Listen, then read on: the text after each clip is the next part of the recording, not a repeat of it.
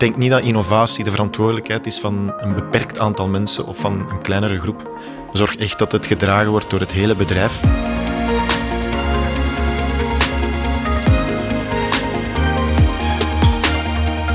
Vandaag gaan we het hebben over innovatie. Innovatie betekent kansen zien en grijpen. Het gaat niet alleen om het bedenken van ideeën, het vraagt visie, lef en is heel dikwijls een werk van lange adem. En dat klinkt bij onze twee gasten van vandaag niet vreemd in de oren. We zullen het hebben over roze chocolade, een 3D-printingstudio waarmee topchefs de mooiste chocoladecreaties kunnen maken, chocolade met slechts één ingrediënt. En by the way, ik heb het deze ochtend kunnen proeven. Het is gewoonweg heerlijk. En nog veel meer. Dit belooft een aflevering te worden om je vingers bij af te likken. Ik ben Klaus en welkom bij een nieuwe aflevering van de Wired for Growth Sessions. Vandaag zit Dries Roekaerts bij ons, VP Global Gourmet bij Barry Callebout. Dag Dries. Dag uh, Klaus, uh, goedemorgen. En hier aan tafel zit ook branding-expert en strateeg Lode Avet van Berlin Agency. En samen zullen we het hebben deze ochtend over hoe Barry Callebout een ambachtelijk product als chocolade continu weet heruit te vinden. Goedemorgen Klaus, dankjewel voor de uitnodiging. Goedemorgen Dries. Met veel plezier. Ik kijk enorm uit naar dit gesprek.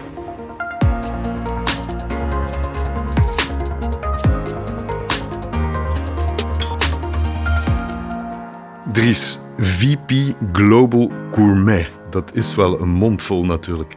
Kan je eens uitleggen wat dat dan eigenlijk betekent en wat jij zoal doet overdag? Ja, zeker, zeker Klaus. Dus uh, Gourmet is uh, een divisie van uh, Barry die zich richt tot het artisanale segment.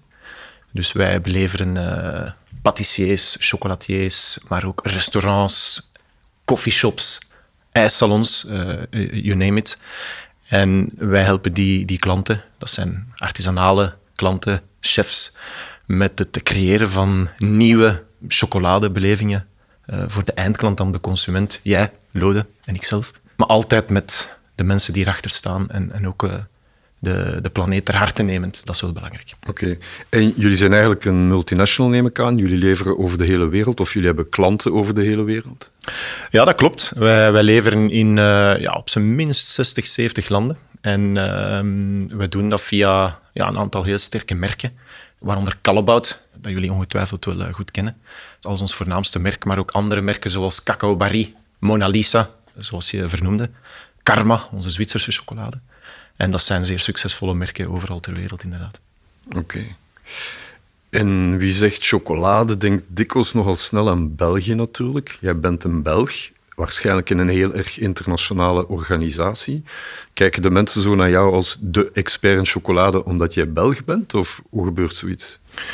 Het is wel zo dat er wel veel um, geleid en, en, beslist en gecreëerd wordt in België. Uh, mede door de, ja, onze erfenis via Callebaut. En die Belgische kennis dat er toch wel uh, hier is. En uh, ook een deel van het team is gebaseerd in België. Dus het is toch een type chocolade, een naam die in de chocoladewereld echt, echt resoneert. Waar dat je ook gaat, van Japan tot, tot Peru. Ja, België blijft wel een quality label als je het over uh, chocolade hebt, natuurlijk. Dus ik, ik, ontmoet vandaag eigenlijk de real-life Willy Wonka, of de Shaki van de, van de chocoladefabriek. Vind ik geweldig. Lode, jij maakt ook sinds kort deel uit van Duval Union. Uh, je staat ook al jaren aan het roer van Berlin Agency. En toen wij elkaar leerden kennen, was ik heel erg onder de indruk van jouw rol in verschillende innovaties voor verschillende klanten. Op zich is dat vrij bijzonder voor een reclamestratege of een communicatiestratege, dat hij zo diep uh, bezig is in de, in de keuken van de klanten eigenlijk. Hè. Ja. Kan je daar iets meer over vertellen? Absoluut. Uiteindelijk, Berlin is, uh, of hebben we 27 jaar geleden boven de doopvond gehouden waar onze ambities oorspronkelijk een pak kleiner waren en echt gefocust waren zeg maar, op het uh, Belgische grondgebied, uh, hebben we heel snel de kansen gekregen om onder andere voor uh, prachtbedrijven zoals Barry Callebaut te kunnen werken. Bijna organisch word je uh, meegetrokken in het bad van innovatie. Ik denk, wat Dries daarnet zei, is van, wij maken niet chocolade, wij produceren niet chocolade. Tuurlijk doen jullie dat, maar je zei zelf van, we helpen onze klanten met het creëren van nieuwe chocoladebelevingen. En ik denk, dat is voor mij een superbelangrijke innovatie, want daar zit ergens al de root van innovatie in vervat. Hè. Dat is echt een soort van mindset, een soort van spirit.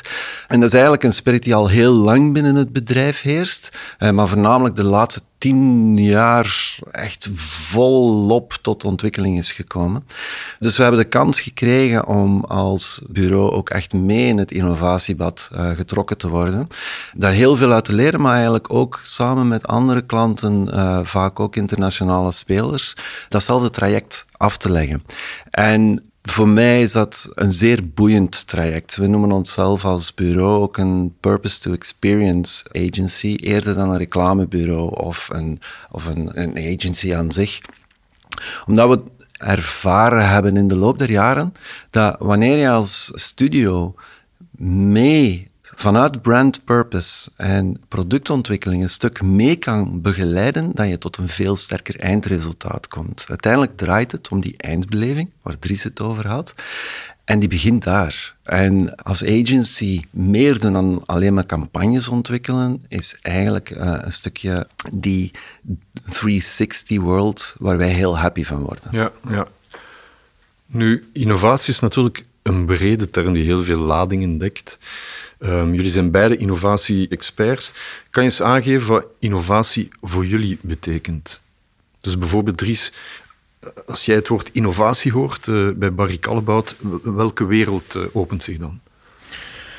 Ja, bij ons gaat innovatie toch echt wel meer en meer op wat dat de eindklant ervaart. Ik bedoel dan de, de consument. Waar dat wij in het verleden meer gericht waren op, op verwerkbaarheid van chocolade, meer het technische aspect, hebben we toch meer en meer die, die shift gemaakt naar waar is die eindklant nu naar op zoek? Wat zijn trends in de markt? En natuurlijk, hoe kunnen wij de kennis en de technologieën die we dan intern ontwikkelen daarvoor gebruiken?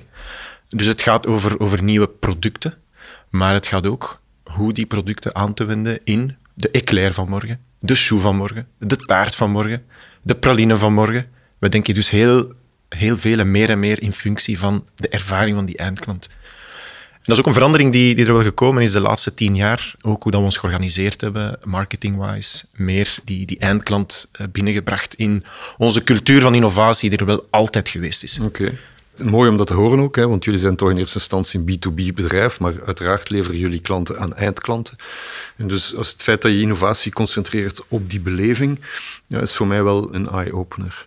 Lodi, je haalde het daarnet ook al aan. Hè? Je, je sprak over from purpose to experience. Dus waarschijnlijk zijn er ook wel andere trajecten bijvoorbeeld, niet alleen uh, Barry Callebaut, maar ook andere trajecten waar jullie die methode, mag ik het zo noemen? Is het een methode of is het eerder een, een, een invalshoek? Uh, het, is, het is een combinatie, denk ik, van een stuk methodologie, maar ook intuïtie. Ik denk, um, innovatie moet nog altijd een stuk door intuïtie gedreven worden, want anders verzand je heel makkelijk in een soort van theoretisch kader dat gebaseerd is op het in de toekomst kijken naar trends en noem maar op. Maar uiteindelijk moet je ook echt wel flink wat fieldwork gaan verrichten om te onderzoeken hoe een innovatie en een duidelijke, strikte definitie van wat je beoogt kan werken in de wereld daarbuiten. En dat is eigenlijk een zeer interessant traject, hè? want je begint uiteindelijk vanuit een RD-idee, heel vaak vanuit interne kracht, maar dat doorvertalen naar hoe gaat de wereld hiermee omgaan? Hoe kunnen we meerwaarde gaan creëren? Want voor mij is per se de definitie van innovatie een nieuw idee dat geïmplementeerd wordt. Dat echt make it done, hè, dat echt geïmplementeerd wordt. En dat value kan creëren, of dat het nu voor een consument is of voor een end-user. Het zijn, zijn, een aantal pilaren of criteria die je scherp in tocht moet houden, maar die buiten de tekentafel echt moeten getorturetest worden in de real world, om te zien hoe ze geaccepteerd worden, hoe dat je ze verder doorontwikkelt en wat dat je ermee gaat doen. Hoe kan dat testen dan volgens jullie het beste gebeuren? Want er zijn natuurlijk heel veel research agencies of testbureaus of testpanels die bepaalde dingen gaan testen. Het is nooit de echte context dan. Hoe pakken jullie dat aan? Dat is, een hele goede vraag. En um, Een van onze waarden in het bedrijf is uh, dicht bij de klanten staan. Dus we hebben heel goede connecties met de klanten. We hebben ook een, uh, een ambassadeurnetwerk. En dat zijn de, de chefs, dat zijn de chocolatiers die wij allemaal kennen. En waar we eigenlijk altijd innovatietrajecten mee doorlopen. Dus enerzijds weten zij heel goed wat er in de markt leeft. En anderzijds geven zij ook direct de credibiliteit als wij dan bepaalde zaken gaan lanceren. Dus uh, wij zitten gewoon heel dicht op de, op de markt met wie wij denken de juiste mensen. En uh, de chocolade die je deze morgen ook geproefd hebt, uh, Klaus, die hebben wij samen ontwikkeld met een groep van 30 internationale chefs. dat hebben wij gefine-tuned in een traject van een, een twee, drietal jaar om spot-on te zijn. En, en, en, dat is wel echt een methode die ja, hoog aangeschreven staat.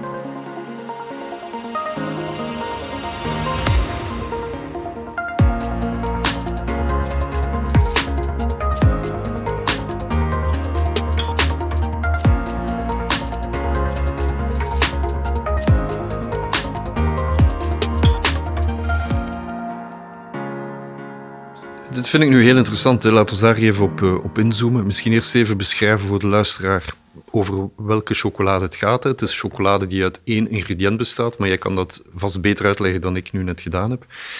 En kan je eens vertellen hoe, hoe dat specifieke proces dan van start gegaan is en, en, zich verder ontwikkeld heeft? Dus van het begin tot, hè, wat je mij deze ochtend liet proeven, het afgewerkte product. Ja, zeker. het gaat dus over een, uh, een chocolade die beantwoordt aan uh, de trend om meer natuurlijkheid, minder ingrediënten, meer transparantie te brengen in wat dat je op je bord krijgt. En vandaar is het idee gegroeid, laten we nu eens chocolade maken vanuit de cacaovrucht. De cacaovrucht bevat ook suikers, net als elke andere vrucht. Dus wij zijn erin geslaagd om die suikers uit die cacaovrucht te halen en dat dan te combineren met de cacaoboon in een chocolade die 100% cacao is. Uiteindelijk eet je fruit via die chocolade. En dat verhaal, dat concept, dat resoneerde enorm bij een aantal uh, van onze chefs die ook op zoek zijn naar die natuurlijkheid. Leggen jullie dat eerst voor op conceptbasis? Gewoon het idee, toets je dat al af? Of ga je toch eerst verder in de uitwerking voor je het voorlegt? Nee, we beginnen met het concept, het idee. Dus waar dat wij dan beslist hebben, laten we een groep van 30 chefs samenbrengen. We hebben die kick-off gedaan, ik herinner me dat nog in San Francisco. Wat dat ook dan een omgeving is van innovatie, creatie. En daar creëer je dan een momentum, een soort eh, movement rond, rond zo'n platform. Waarop dat iedereen terug naar huis keert, een aantal prototypes meeneemt, die fine-tuned naar smaak, toepassing toe. En dan ga je door een R&D- en communicatietraject waar we wel onze tijd voor nemen, want wij willen wel altijd met kwaliteit naar de markt gaan. Dus die 30 mensen dan, dat waren 30 chefs, ja. die hebben allemaal meegewerkt ook. Die hebben er allemaal mee geëxperimenteerd, uh, geproefd, hun eigen versies daarvan gemaakt. Ja, nu kan je daar ook het resultaat van zien, van al die chefs met hun creaties, dat we nu delen met de bredere markt. Ja, dankjewel om het mee te brengen in deze ochtend. Het is, het is bijzonder, bijzonder lekker. En we denken echt dat, uh, dat het de toekomst is van chocolade. Dus uh, heel blij en fier dat we daarmee nu naar de markt ja. gaan en dat het ook wordt gewaardeerd. Een mooi voorbeeld van partnerships en het betrekken van externe partijen is de samenwerking van Mona Lisa met het culinaire genie en de wereldberoemde patissier Jordi Rocca. Kunnen jullie daar iets meer over vertellen, Dries? Ja, dat was een uh, fantastische samenwerking. Jordi, die de patissier is van uh, een van de, if not het beste restaurant van, van de wereld. En die toch ook op zoek is naar die nieuwe ervaringen, speciale momenten voor de eindconsument. Dus als je met zo'n mensen kan samenwerken, ja, dat geeft je wel veel vertrouwen en brengt ook wel snelheid in, uh, in het project. En hij is een fantastische persoon die ook met volle passie samenwerkt met ons. Hmm. Het mooie aan dat verhaal was dat eigenlijk door de gesprekken en de samenwerking die we met, met Jordi hebben gedaan, dat eigenlijk tot een hele strikte benefit formulation komt rond het 3D uh, eh, chocolate printing verhaal. Printen met chocolade op zich is niet nieuw. Maar het is een technologie die nog heel ver staat van veel chefs. Ze moeten 3D-designer zijn, ze moeten dat doorvertalen in software. Printers hebben staan die vaak niet met echte chocolade werken, maar een soort van surrogaat. Dit was eigenlijk een oplossing om aan chefs op een heel makkelijke manier een tool aan te reiken die hen hun meest crazy ideas toestaat in realiteit te brengen. En waar een chef dingen niet meer met de hand kan maken of met bestaande uh, craft-methodes, doet Mona Lisa 3D Studio dat wel. En dat is eigenlijk het stukje, de, de omslag die we met Jordi hebben vertaald. Hè. Hij heeft dingen gecreëerd die onmogelijk waren om met de hand te gaan maken, maar waarin dat mens en machine samenwerkten om een prachtige nieuwe chocoladebeleving te creëren. Concreet uitte zich dat in een soort van een chocoladevrucht die binnenin een bloem had en die door een menselijke interactie, het overgieten met een saus, eigenlijk helemaal openbloeide. Natuurlijk, het doorontwikkelen daarvan heeft wel wat tijd gevergd, maar je krijgt bij wijze van spreken een spektakelstunt die zo'n innovatie heel mooi in de markt zet en waar je een prachtig verhaal naar de pers, maar ook naar andere chefs mee hebt. Voor de luisteraar die nu nieuwsgierig wordt, kunnen we die creatie zien op jullie website eh, bijvoorbeeld, Dries? Ja, absoluut. absoluut. Uh, moet je maar even zien. Tikken Mona Lisa 3D, Jordi Rocca. En dan uh, krijg je dat uh, zeker te zien. Het ding is, uiteraard wordt chocolade van cacao gemaakt. Maar ik noem Barry Callebaut altijd een beetje de NASA van de chocoladewereld. Zij gaan en dat is, dat een tendens die echt de laatste vier jaar in stijgende lijn zit. Ze gaan echt onontgonnen gebieden gaan uh, ontdekken. Traditioneel als cacao wordt verwerkt, dan wordt enkel de boon gebruikt. Dat is echt de kern, de pit zeg maar, van die vrucht. En eigenlijk de rest traditioneel werd nooit gebruikt. Dat werd gecomposteerd, werd gebruikt als het feit dat je alles wat daar rond zit, die husk, eh, dat, vruchtvlees, gaat gebruiken om daar een fantastische chocolade mee te maken, is never done before. En uh, om tot, dat idee te komen, heb je natuurlijk heel erg clevere RD-mensen nodig, maar ook heel erg creatieve eh, RD-mensen die openstaan voor dat soort van vernieuwing. En ik denk dat is, dat, dat is revolutionair. Nee, dat klopt, Lode. En wat meer en meer belangrijk wordt in innovatie is het duurzaamheidsaspect. En daar beantwoordt die innovatie ook wel volop aan, omdat je de boer uiteindelijk krijgt meer inkomsten uit zijn cacaovrucht, omdat hij meer componenten kan uh, verkopen. En um, dat is echt niet te onderschatten hoe belangrijk dat duurzaamheid is in innovatieve concepten en applicaties. En niet enkel in Europa en, Noord-Amerika, maar je ziet dat ook in Azië, Latijns-Amerika, zelf in Afrikaanse landen. Duurzaamheid is meer en meer de essentie van innovatie. Blij dat te horen dat deze productinnovatie ook onmiddellijk eh, een heel sustainable karakter heeft en bijdraagt aan, eh, aan een betere wereld.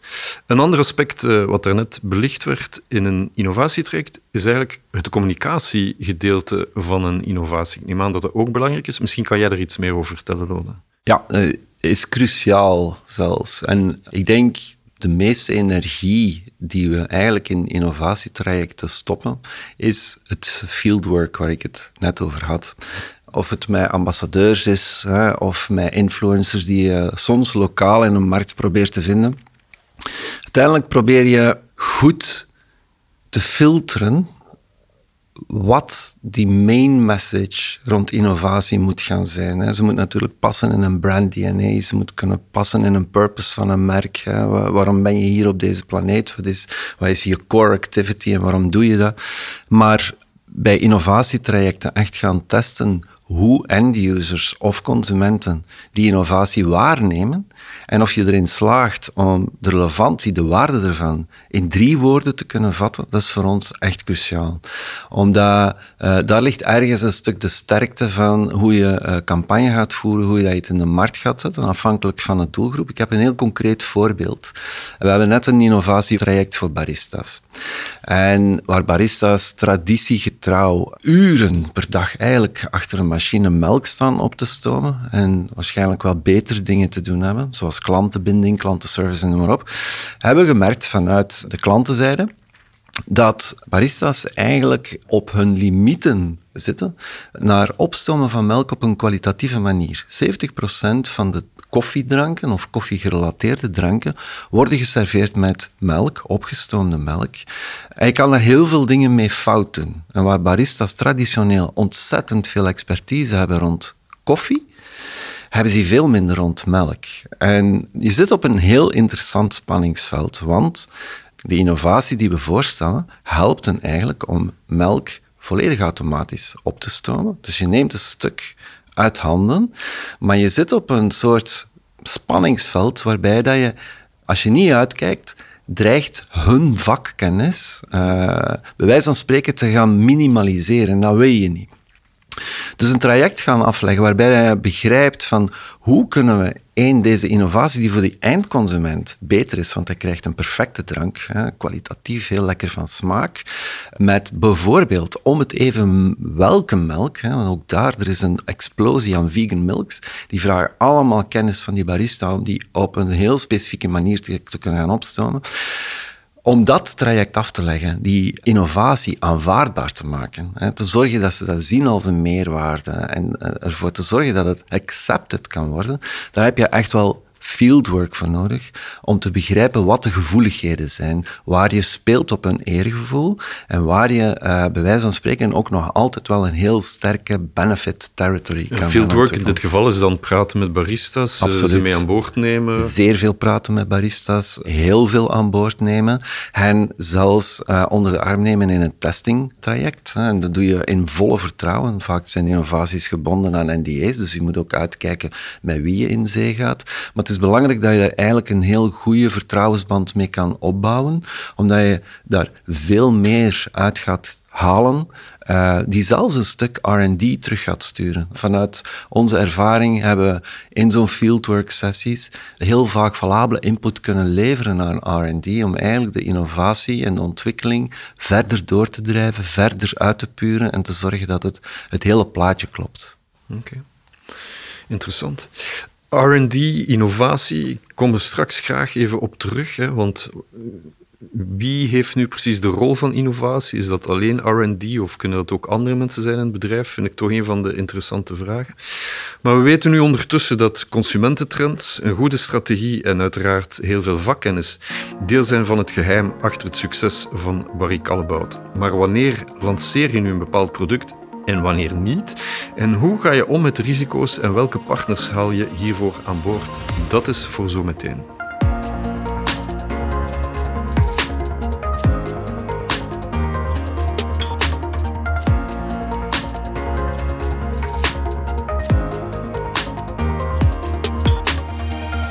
Zonder innovatie heeft je bedrijf uiteraard geen toekomst. Bedrijven die niet innoveren zijn volgens ons bedrijven die stilstaan en dus ook heel langzaam eh, zullen verdwijnen. Maar innovatie heeft natuurlijk altijd wel een bepaald risico. Hè. Het is een, it's, it's always a bet. Het is natuurlijk een berekende bet. Maar ik neem aan dat het soms ook al eens misgaat en dat ook de luisteraar toch wel wat dingen kan leren van de keren dat het al is misgegaan. Dus als jullie het niet erg vinden, zou ik heel graag vragen om eens een verhaal te vertellen over waar een innovatie niet gelukt is, maar vooral wat kunnen we daaruit leren natuurlijk. Hè? Waarom is dat dan niet gelukt? Dries? Nee, zeker Klaus. En, uh, wij, hebben al eh, verschillende fouten gemaakt en uh, we proberen daar vooral uit te leren. Vaak als het misgaat, denk ik voornamelijk aan twee zaken. Dat is de kwaliteit van het product, waar dat we toch zien dat we ja, niet aan de verwachtingen voldoen. En een tweede is dan toch ook het fout inschatten van het succes en dan al te gauw met uh, ja, stockouts en dergelijke zitten. En dat is killing voor een lancering. Dus ja, het goed inschatten van wat de vraag gaat zijn, als ook uh, die processen goed onder controle hebben naar kwaliteit toe, hebben er toch toe geleid dat wij minder innovaties doen en toch voldoende tijd nemen om ja, die oefening juist te maken. Dat tweede element wil ik even op inzoomen. Dus eigenlijk gaat het erom dat je het juist hebt ingeschat, dat een product een succes is, maar dat het een groter succes is dan verhoopt, waardoor je bepaalde zaken ja, bijvoorbeeld niet kan aanleveren, dat je out-of-stock situaties krijgt. Het is raar om dat een mislukking te noemen, maar ja, natuurlijk mis je daardoor markt en, en mis je daardoor sales. Wat doe je dan als zich zoiets heeft, uh, heeft voorgedaan? Uiteindelijk moet je de boel recht trekken. En dat is dan uh, uiteindelijk ook toegeven naar de markt van kijk, we hebben dit fout ingeschat en we zetten dat zo snel mogelijk terug en uh, alle hens aan dek. Vanuit onze ervaring, waar we gemerkt hebben dat het soms fout durft lopen of loopt, is vanuit een uh, onderschatting van de end-user. Heel vaak bij innovatie zit je met deadlines. Hè. Er, is, uh, er is heel wat geïnvesteerd. Je zit met een funnel die je doorloopt, maar uiteindelijk wil je zo snel mogelijk toch landen en wil je die lancering doen. Wat wij gemerkt hebben is dat wanneer je het risico loopt om die end-user niet goed in te schatten. En wanneer dat je bijvoorbeeld echt rekent op een gedragsverandering van een consument of van een eindgebruiker die je niet goed hebt ingeschat, daar gaat het fout.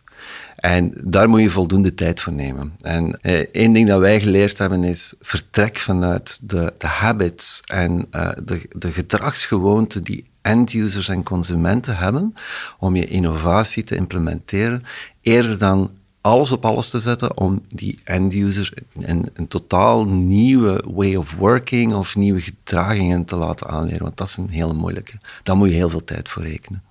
Ja, dat is natuurlijk zo. Als je echt uh, fundamentele productinnovatie brengt, die delen van de markt verandert, vraagt uiteraard uh, nieuwe gewoontes, uh, nieuw gedrag. In, in, mijn ervaring lukt het meestal wel als je het voor de consument makkelijker maakt. Hè? Als hij er iets bij te winnen heeft. Ik grijp even terug naar Senseo natuurlijk. Senseo heeft ons geleerd om koffie per kop te gaan drinken, waar het daarvoor de gewone filterkoffie was. Dat was inderdaad de gedragsverandering, maar de consument had er wel een hele grote benefit aan. Wel, die balans moet je heel goed maken. Hè? Omdat je, je kan van, vertrekken vanuit een, een situatie waarbij je echt een voordeel of een benefit biedt aan de klant, maar waarvoor dat hij wel dingen moet doen die extra zijn, on top zijn. En dat soort van veranderingen, dat krijg je er gewoon onmogelijk door. En als je dat onderschat, dan, uh, dan weet je dat het niet lukt. Wat ik jullie ook even wil voorleggen, is uh, ook al iets wat ik over de jaren heen heb meegemaakt. Sommige bedrijven lanceren dan of organiseren een grote innovatie-jamboree. Dus ze brengen allerlei partners uh, rond de tafel die op dat moment moeten meenadenken of mogen meenadenken over mogelijke innovatie-ideeën. een killer die ik toen heb meegemaakt was bij een van die laatste bedrijven, dat er iemand kwam met een map en er zaten zeker al duizend ideeën in. Hè, en die zei, bam, dit zijn onze ideeën van de laatste vijf jaar. Probeer nu nog maar iets nieuws te verzinnen. Dus kan je eens uitleggen, wanneer gaat zo'n idee van het blad af en wordt dat toch vastgenomen om, uh, om iets mee te doen? Wie beslist daar dan over? Kijk, dat komt ook een beetje neer op uh, een vorige vraag die je stelde of innovatie enkel R&D wordt gedreven. Dat is, dat is eigenlijk niet het geval bij Barry Callebaut. In de zin dat innovatie zit echt in onze cultuur. En doorheen de verschillende departementen. Dus innovatie is een verantwoordelijkheid van R&D, maar ook van marketing, van productie. Wij betrekken onze agentschap ook heel dicht daarbij. Onze klanten, net gezegd, onze ambassadeurs, gaat via kwaliteit. Wij hebben ook wel in, in processen gegoten om daarin de juiste beslissingen te nemen. Naar haalbaarheid, naar marktappeal, naar communicatie, naar consumer benefits, zoals je zelf zei. En uh, we hebben daarvoor duidelijke processen, zodanig dat die beslissingen vallen op de grote initiatieven met het grootste potentieel. Oké, dus het gaat eigenlijk niet alleen over de idee-generatiefase. Het is eigenlijk blijkbaar ook heel erg belangrijk wat daarna komt, welk proces je hebt om die ideeën te valideren en dan de juiste te kiezen natuurlijk. En daar wringt het schoentje dikwijls bij heel veel bedrijven, heb ik de indruk. Twee dingen daar, uh, Klaus. Um, dit jamboree waar je het net over had, kan echt werken omdat vaak outside view in, in krijgen, zelfs van eh, industrial designers of uh, mensen die echt met productontwikkeling bezig zijn, je eigen eindklanten erbij betrekken, helpen om het perspectief scherp te stellen. Maar wat denk ik cruciaal is, dat je uiteindelijk, hè, die implementatiefactor, dat is echt een superbelangrijk. Je moet natuurlijk wel zien dat je het gedaan krijgt. Hè. Dat, je een, een, dat je binnenin de organisatie draagvlak creëert en kan krijgen om innovatie effectief track uh, uh, en, en spankracht te geven, zodat het effectief kan gedragen worden en tot ontwikkeling komt. Maar het helpt heel vaak ook om expertise van buiten binnen te halen. Omdat wat je soms van binnenuit niet kan doen, dan vind je wel ideeën of de juiste mensen die daar bijdrages in kunnen leveren. Opnieuw hetzelfde voorbeeld eventjes rond IRLab, hè, die uh, Magnificent Milk Foam Machine. We hebben daar heel wat partners van buitenaf bij betrokken. Omdat in zo'n traject is het gewoon heel belangrijk om te weten van hoe reageert de markt? Wat zijn de noden daar precies? Maar wat, zijn de hurdles ook? Maar ook in het ontwikkelen van nieuwe technologie, die machine, de IRLab, detecteert automatisch welke melk dat een barista in een pitcher giet. Wat nog nooit gebeurd is, maar dus met uh, optische herkenning. Maar voordat je daar geraakt, heb je heel veel kennis van buitenaf nodig. Uh, zeker in kleine start-up organizations. Je hebt technologie en smart tech bedrijven nodig, bijvoorbeeld in Azië, die mee aan de ontwikkeling zitten. Maar ook gewoon de nuchtere visie van een barista en hoe hij in zijn workflow met zo'n dingen omgaat. En dat helpt gewoon om eigenlijk die hele uh, R&D-funnel vorm te geven en de draagkracht uh, die je nodig hebt als bedrijf ook te versterken. Waar ik het al dikwijls heb zien mislopen, is de business case. Hè. Dus er wordt een bepaalde... Dus je hebt de idee-generatiefase gehad, je bent daarna de volgende stap in het proces aan het zetten. Dan moet iemand de business case uh, beginnen schrijven. Wie doet dat bij jullie, Dries? Zijn dat de mensen die heel dicht bij die innovatie aanwezig zijn, die het zelf bedacht hebben? Of is dat een ander team? Nee, dat zal typisch in het geval van uh, ons zijn. Zal dat, zal dat bij ons liggen? De business gaat over die business case. Die, die gaat wel uh, inschatten. Oké. En, en, waar komt die in het proces uh, precies? Kijk, we hebben drie fasen. we hebben eerst een, een soort briefing, een ideebriefing. dan hebben wij een, een soort contract gate. En dat is waar dat de business case op tafel komt. Waar je dan ook gaat investeringen doen. En dan een laatste fase is, is een beslissing om te lanceren. Maar dan Okay. Dus het is in het midden van het proces ongeveer dat wij de business case aftekenen.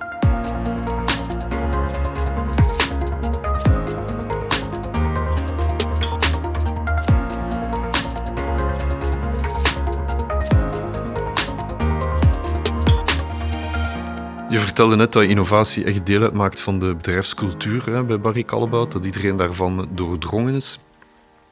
Hoe ver ga je daarin? Zit dat dan ook bijvoorbeeld in de KPI's van de, van de directeuren? Ja, absoluut. We hebben vier strategische pillars binnen het bedrijf. En één daarvan is innovatie. Dus ja, alle, alle, alle departementen, alle functies uh, op exco-niveau zijn daar eigenlijk continu mee bezig. Het is ons DNA, het is ons visitekaartje naar de klant toe. Het is ook wat ons doet gaan op, op dagelijkse basis. Ja. En ik kan niet genoeg onderstrepen hoe belangrijk dat, dat is in het uh, opleveren van die innovaties om iedereen aan boord te hebben. Het maakt je ook heel reactief en flexibel eens dat je naar de markt gegaan bent, om bij te sturen waar nodig, hè, zoals al besproken. Dus die flexibiliteit, die snelheid, dat kort en snel schakelen met de verschillende stakeholders is toch wel essentieel als je innovatie succesvol wil maken. Oké. Dus eigenlijk betekent dat ook dat innovatie bij jullie niet beperkt is tot R&D. Ik heb dat daarnet uh, gehoord. Hè, maar iedereen in het bedrijf kan blijkbaar met ideeën komen of uh, zaken bedenken, voorleggen dan? Of hoe loopt zoiets dan? Ik denk, om, om eventjes ook vanuit de Barry Callebaut-ervaring te spreken, er is een hele een, een, een, zeer gedecentraliseerde structuur met heel veel voeling dicht bij de klant in de lokale markten. Wat je heel vaak merkt ook is dat innovaties heel vaak puur vanuit waarneming, perceptie zijn. Salesmensen die bij klanten komen, die dingen waarnemen waar klanten mee struggelen, mee worstelen, en die eigenlijk misschien anders of beter kunnen. En ook daar krijg je, uh, bij wijze van spreken, een bijna organische bottom-up innovatiestroom aan ideeën die klanten kunnen helpen om die chocoladebeleving van morgen te gaan creëren. Dus het is niet zo dat elke innovatie volgens mij gepland is. Dus in die zin, ja, ideeën kunnen zelfs door mensen uit sales worden aangebracht. Ik pik daar even op in. We hadden een aantal weken geleden onze Fifth Conference on Wired for Growth. En een van de sprekers was uh, Hajir Purkalkali, VP Strategy Optimizely. Gigantisch intelligente, briljante man. Zijn man is ook ondertussen gedoctoreerd. En die houdt zich bezig met de wetenschap achter experimenteren. Dus werkelijk wetenschappelijk gaan bekijken. Wat heb je nodig om experimenten te doen slagen? Wanneer slagen experimenten wel, wanneer niet? En wat is de, de graad van innovatie? En hij bracht een heel leuke term naar voren en hij had het over de, de hippo's. The highest paid people's opinion in the room. Hè? En dus wat hij vertelde is, als je aan innovatie begint met veel hippo's in de kamer, dat de graad van innovatie eigenlijk incrementeel is. Dus de kans dat je juist zit en dat je een goede innovatie te pakken hebt, stijgt, maar de, de stappen die je zet zijn kleiner. En hij zei, als er geen hippo's in de room zijn, heb je meer kans om te falen in de aard van innovatie. Maar als de innovaties slagen, dan heb je veel meer breakthrough innovaties. Kunnen jullie daar eens even op, uh, op reflecteren? Nu, ik denk altijd dat, dat je een balans nodig hebt. Want de hypo's, neem ik aan, zijn, zijn vaak mensen die toch iets bewezen hebben, een bepaalde kennis hebben en die ongetwijfeld goede ideeën hebben, waarop kan gebouwd worden en verder gewerkt worden. Nu, wat, wat, wat heel belangrijk is in ons proces, en wij nemen daar echt de tijd voor, is dat wij elk jaar uh, gaan wij alle markten bezoeken. Gaan wij luisteren naar onze mensen in de field, gaan wij klanten bezoeken, naar wat er in de markt leeft en welke innovaties wij kunnen brengen. Dus ik denk dat je zowel top-down als bottom-up die twee trajecten moet, moet samenbrengen. En de meest essentiële is toch die stem in de markt ja. naar te luisteren. Dat, dat, was eigenlijk ook wat Lode net zei, en daarom dat de, de krop kwam. De stem in de markt, dat zijn meestal niet de hippo's, hè. Dat zijn, maar dat zijn wel de mensen die heel dicht bij de klant zijn. En, uh, en... Ja, maar hen empoweren om oog te hebben voor. Mijn eerste advies altijd aan een klant is, zeker in marketing, marketing staat soms heel ver van sales af. Hè. Dat is uh, onvoorstelbaar, maar het is nog altijd zo, is van Ga gewoon naar uw klant. Neem waar. Neem de tijd gewoon om te zien van hoe, eh, zeker in een B2B-omgeving, eh, hoe werken ze? Uh, waar staat uw product? Wat doen ze ermee? Waar ondervinden ze problemen? Waar kan je dingen echt veel smarter, beter? En, met pure waarneming helpt gewoon heel vaak om van daaruit dingen te gaan afleiden die innovatie kunnen gaan sturen. En ik geloof er ook echt wel in dat een bredere kijk, de hypo's hebben nodig. Hè? Ook omdat ze, eh, je, je moet innovaties gedaan krijgen. Je moet draagvlak hebben en je moet ze doorkrijgen. Die hypo's zijn er ook om momentum te gaan creëren en om een hele organisatie ook gewoon echt daadkracht te geven en Klopt. spankracht om zelfs big ideas echt uh, tot, tot, tot een prachtig resultaat kunnen uh, laten leiden. Maar soms is die stem die heel dicht staat bij de consument of bij die end-user, de stem die juist tot het idee gaat leiden. Wat je aanhaalt is de rol van de hippo's natuurlijk en het feit dat zij draagkracht kunnen creëren. Dat brengt mij op een ander uh, aspect, namelijk de rol van het management bij innovatie. Vertrouwen lijkt mij cruciaal, psychologische veiligheid ook voor de teams, kunnen falen kan je daar eens uh, wat over vertellen? Ja, zeker en vast. Hè. Ik denk dat je dat niet mag onderschatten. Hoe belangrijk het is om toch de, de ambitie te zetten ook. Daar begint het bij. Wat is de strategie? Wat is de ambitie? Wat zijn de verwachtingen? Hoe willen wij onze merken positioneren in de markt? Uh, en wat moet daarvoor gebeuren? En welke organisatie zet je daarvoor neer? En daar begint het bij. Dus het zetten van de organisatie, het, het aantrekken van de juiste mensen, het voorzien van de juiste budgetten het begint absoluut bij, bij het management. Ook de tijd maken voor die connectie met de markt. Het zijn allemaal investeringen. Alles begint toch wel bij, bij die strategie en hoe dat je organiseert. Volgens Inscope, Research for Innovation, is eigenlijk een centrum in Nederland dat drie universiteiten verbindt. Die zeggen dat de stijl van leidinggeven voor meer dan een vijfde het innovatieve vermogen van een uh, organisatie bepaalt. Dat is niet niks, hè. En het is alleen al de stijl van, uh, van leidinggeven. Dus het is toch wel heel belangrijk, denk ja. ik. Maar ik denk durven falen is belangrijk. En in elk innovatietraject kom je op hurdles en kom je op bochten die je niet had voorzien, die tijd kosten, die meer budget kosten. Ik denk een cultuur creëren waarin dat je mag falen, maar tegelijkertijd heel bewust bent van de beperktheid in tijd en middelen die er zijn, zodat je zo efficiënt mogelijk ook kan gaan werken. Een duidelijk lastenboek voor ogen hebben van waar gaat deze innovatie over? Wat is de focus die we moeten brengen? En wat zijn de middelen die we hebben om dit te kunnen gaan realiseren? Dat is cruciaal. Want anders ga je jezelf hoogstwaarschijnlijk gaan vergalopperen. Ik, heb het ook zien gebeuren dat innovaties een vanuit een bepaalde definitie en een lastenboek vertrekken en op het eind van de rit eigenlijk iets totaal anders geworden zijn dat zo ver staat van het originele idee, gewoon omdat er geen duidelijk draagvlak was over wat is de innovatie waarop we aan het werken zijn. Wat ook belangrijk is, is dat een innovatie intern geowned wordt. Je kan geen, om terug op het hippo's verhaal komen, een top-down innovatie gaat niet werken. Je moet die teams die rond die innovatie werken volledig committed krijgen. Je moet die ownership geven, je moet die accountable maken. Interne communicatie als volgende fase is een superbelangrijke stap die vaak wordt onderschat. Want je moet die sales teams volledig committed maken rond een innovatie. Als je naar de markt gaat, moet daar passie achter zitten. Daar moeten verhalen achter zitten. Daar moet geloof achter zitten.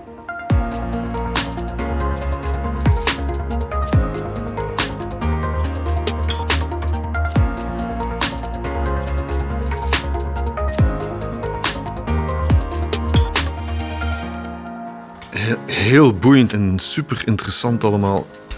Ik denk dat we stilaan toch zullen moeten gaan afronden. Maar kan jij zo, Lode, de belangrijkste drie do's even meegeven voor de luisteraar? En ik ga dan onmiddellijk aan jou, Dries, vragen om de drie belangrijkste don'ts eh, mee te geven aan de luisteraar.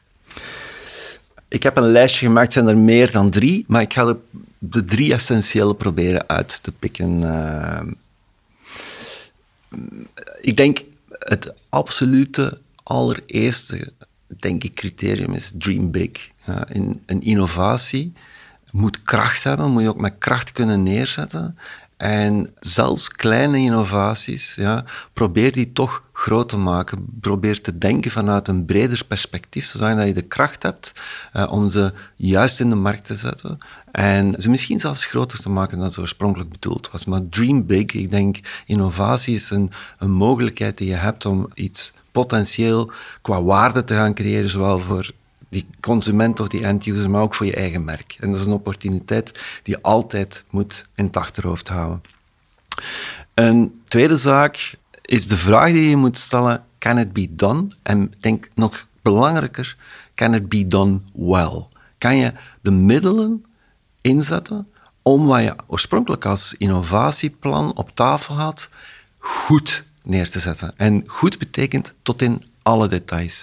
Ik heb het heel vaak zien gebeuren dat een, een pracht idee verwatert door heel veel compromissen die gesloten moeten worden omwille van de snelheid om ermee in de markt te gaan en noem maar op. En daar ga je het risico op falen alleen vergroten. Dus in het achterhoofd houden dat wat je neerzet, dat je dat goed moet neerzetten, waarbij je alle mogelijke factoren ook echt in de gaten en in het achterhoofd houdt en meeneemt in die experience voor je klant, voor de consument, is voor mij een absoluut uh, belangrijk criterium. En dan vanuit de rol van communicatie kan je het idee in drie woorden heel krachtig neerzetten. Dat zijn voor mij, denk ik, drie belangrijke criteria. Ja, dankjewel. Dries? De, de don'ts dan? De don'ts, ja. Nee, ik denk een, een, aantal pitfalls is als je probeert te innoveren te ver van je kernactiviteiten. Dus uh, blijf altijd focus op je core, uh, zoals we dat zeggen. Daar, daar kan je het meeste impact creëren. Ten tweede, wacht niet af. Durf. Durf ook af en toe eens een risico te nemen, maar toon, toon leiderschap in je markt.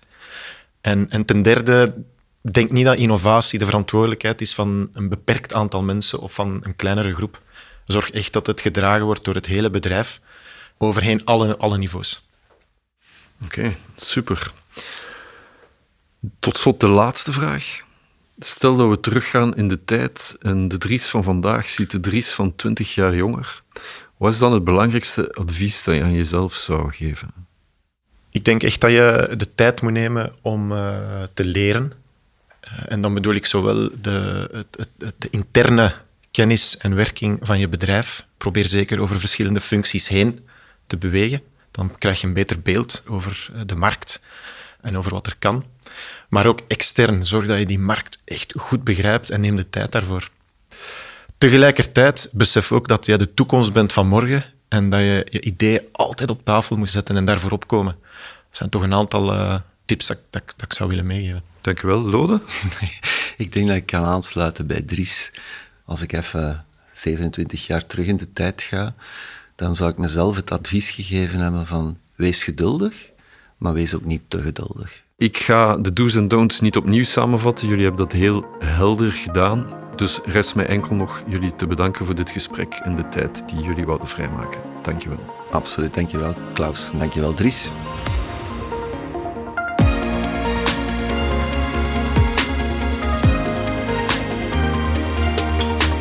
Dit was alweer een aflevering van de Wired for Growth Sessions. Beluister onze vorige afleveringen voor meer groeitips of surf naar onze website duvalunion.com. Vond je deze podcast leuk? Eén boodschap? Like en subscribe en mis geen enkele aflevering. Bedankt en tot de volgende keer.